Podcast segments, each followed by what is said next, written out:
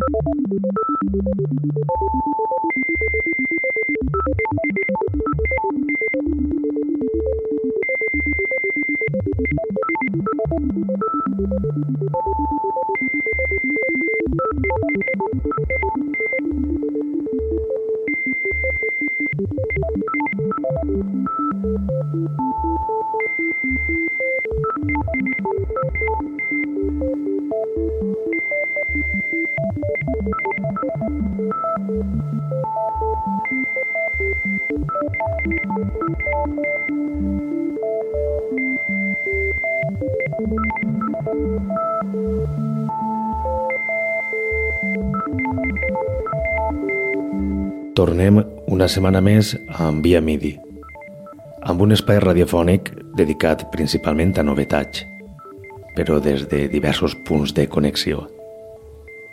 Comencem.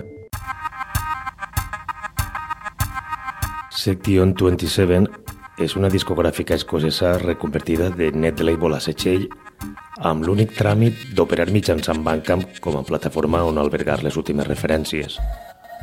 Encara es poden descarregar llançaments més antics directament des de la web, però imagina que el canvi a una plataforma com Bandcamp es deu a l'espai per acollir el catàleg i les referències tan vastes que tenen, i també per obtenir alguna recompensa per part dels seguidors d'esta discogràfica, ja que, encara que és per una quantitat mínima, està l'obligatorietat de posar el preu que cadascú consideri oportú.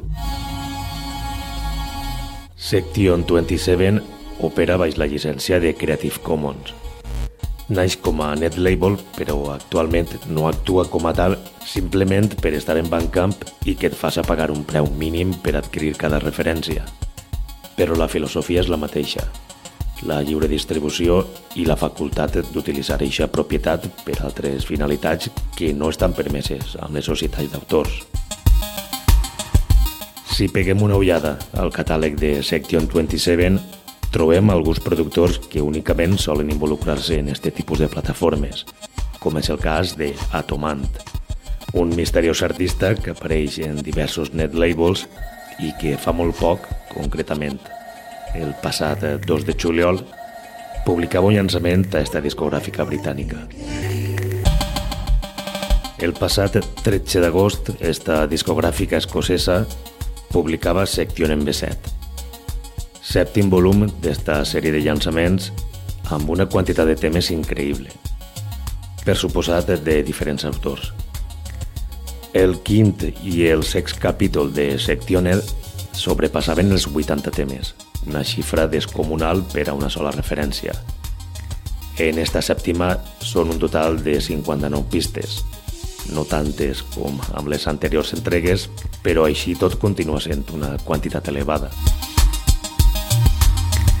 Este llançament, a més d'extens en quant a quantitat de temes, és també extens en quant a gèneres.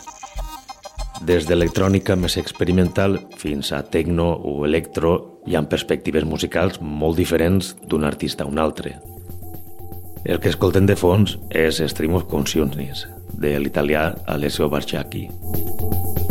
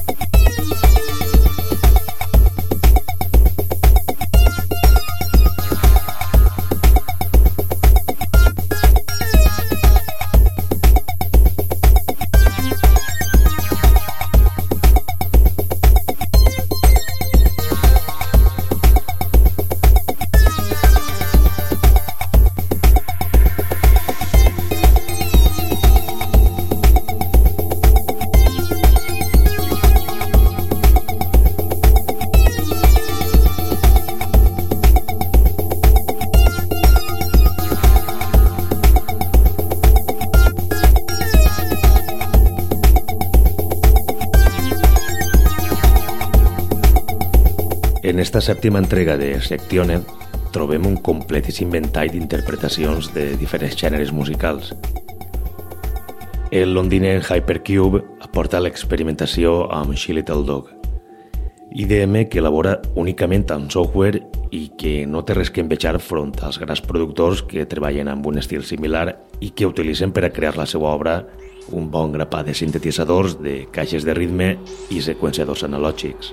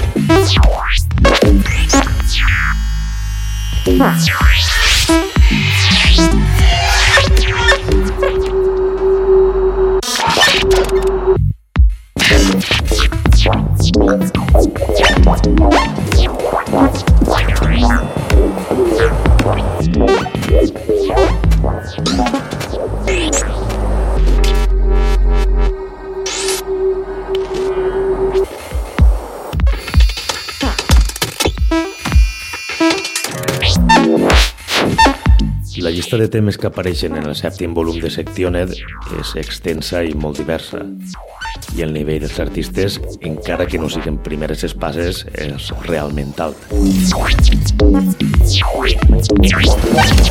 Kim Cosmic és londinenc. Ha treballat per importants discogràfiques amb diversos pseudònims. És propietari dels setxells Cybersoul i Toru Sound. I com a DJ es mou tant per Londres com per la resta d'Europa és qui subministra la pista 33 d'este últim llançament de Section 27. El tema s'anomena Submarine.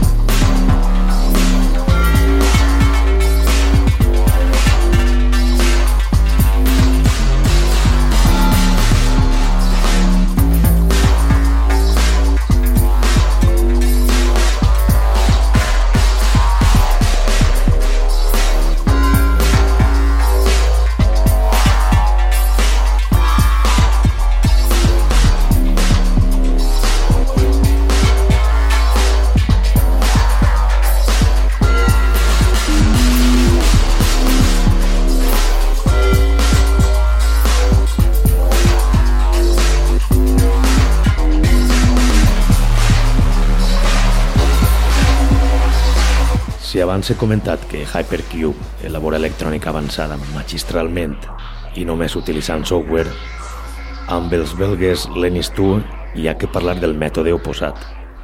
I és que esta formació utilitza una àmplia gamma de màquines i sistemes analògics per a crear cada part de la seva obra. Escoltem Dozy 59, col·laboració dels belgues per a esta sèptima entrega de Sectione.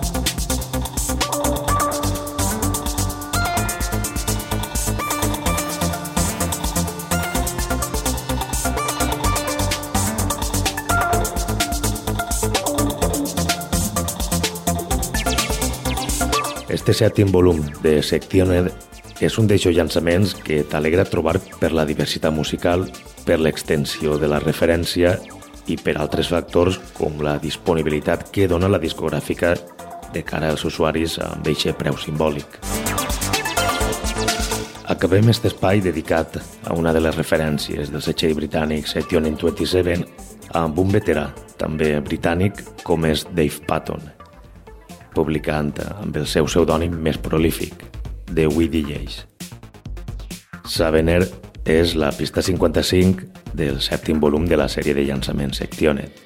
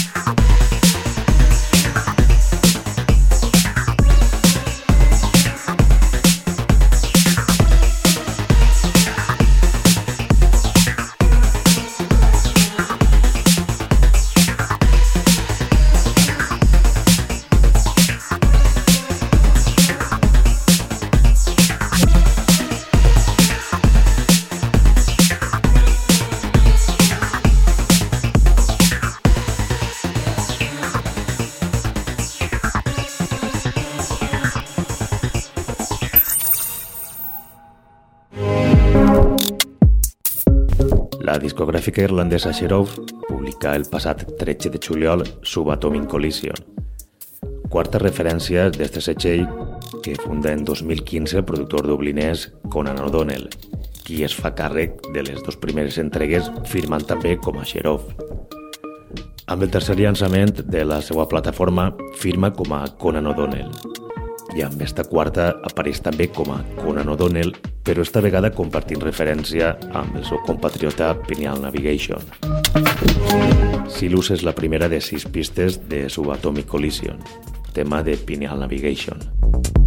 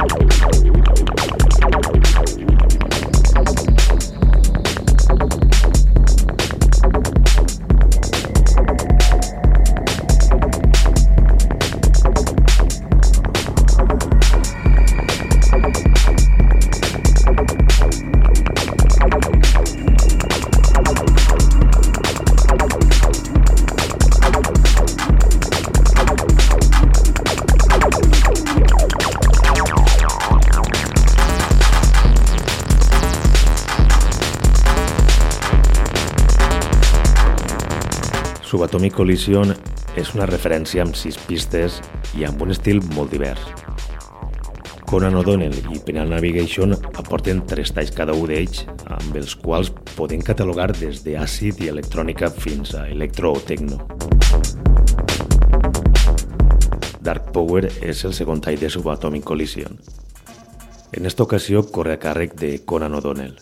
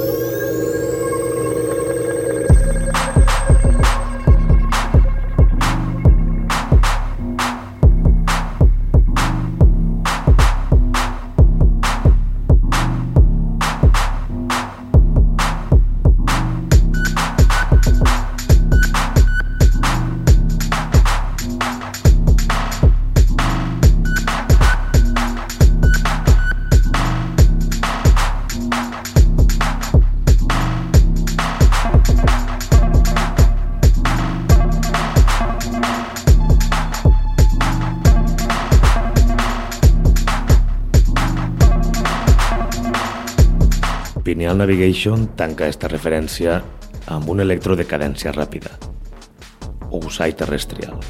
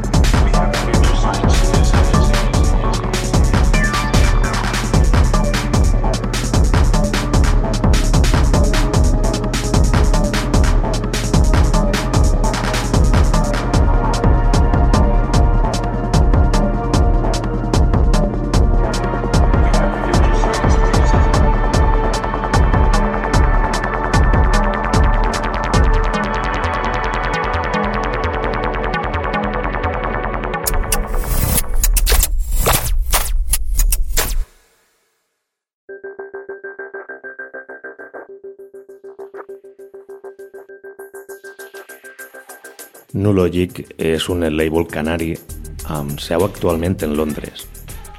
David Díaz és el màxim responsable de la plataforma, una plataforma que porta activa més d'una dècada i que ha publicat més d'un centenar de referències, totes de lliure distribució i operant baix llicència Creative Commons. El passat 8 d'agost, Nulogic publicava la primera referència des de 2018. Ho feia amb un llançament del mexicà In Vitro, màxim responsable també de Breathe Compilations, un altre net label que coneguerem fa molt poc així en via MIDI. Transdimensional Boots és un senzill de quatre tracks orientat cap al techno. Però hi ha prou més que techno darrere d'este treball, ja que l'estil deriva cap a un trasfons electrònic i els elements percussius no és que queden en un segon plànol, però no prenen el protagonisme que deurien prendre per a considerar l'estil com a un tecno més purista. Este tema que comença a sonar és el segon de Transdimensional Boots. Baixos un flash i gordos amb Spaceship Meeting.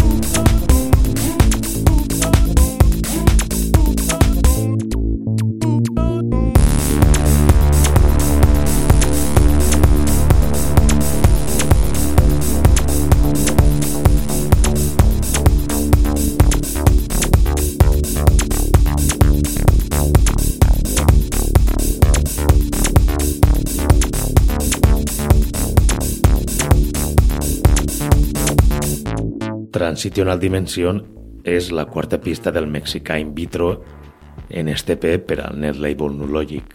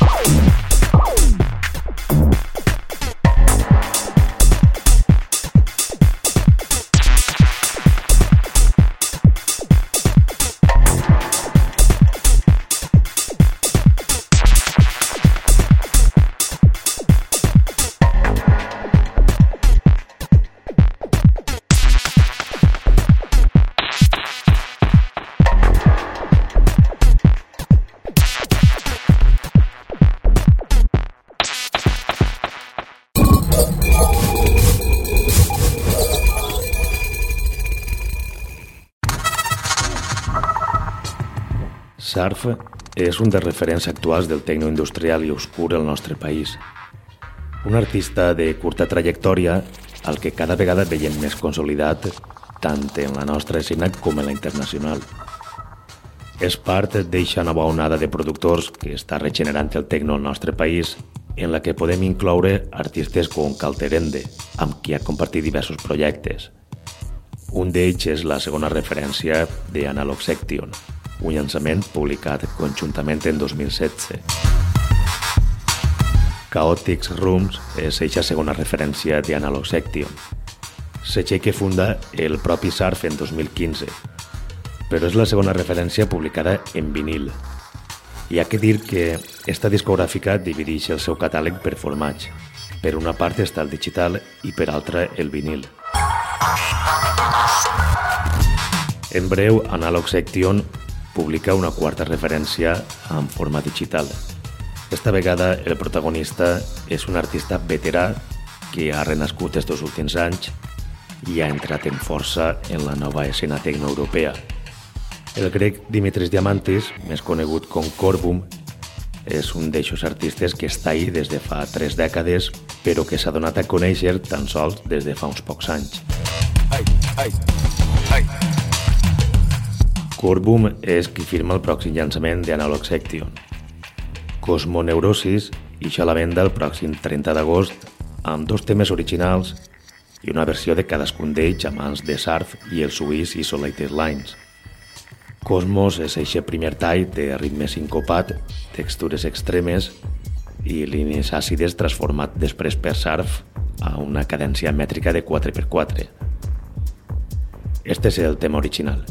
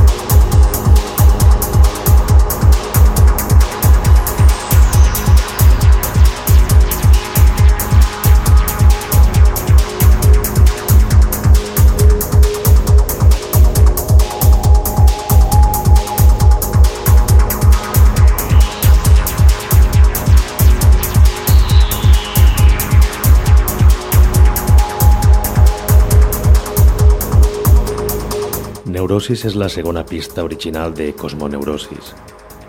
En este cas, Corbum reitera el ritme sincopat i de nou en el remix, en este cas de Isolated Lines, es recupera la simetria constant del 4x4. Un tema amb una melodia retallada d'atac i amb un trasfons que emula estil com l'EBM. Esta és la versió original de Corbum.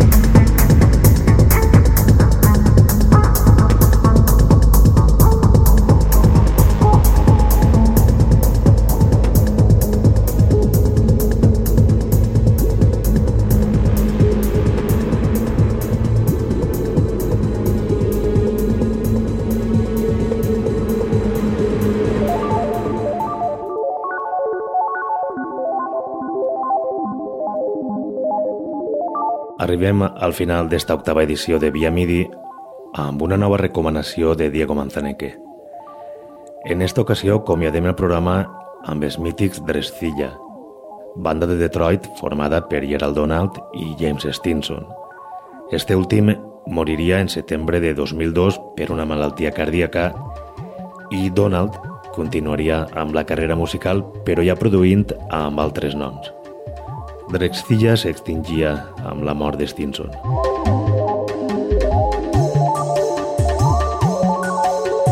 Drexcilla ha mantingut la identitat dels seus components en l'anonimat en gran part de la seva trajectòria amb uns fonaments basats en la ciència-ficció. Un argument que recorda altres grans projectes de Detroit com Metroplex i tot el que relaciona a Juan Arquins amb l'obra d'Alvin Toffler. En 1990, Drexcilla publicava Neptune Slayer, àlbum que firmaven en Tresor amb els que mesclaven peces més llargues amb interludis curts. Un clàssic de l'electro del que recuperem la segona pista, Andrea en Sand Dunes.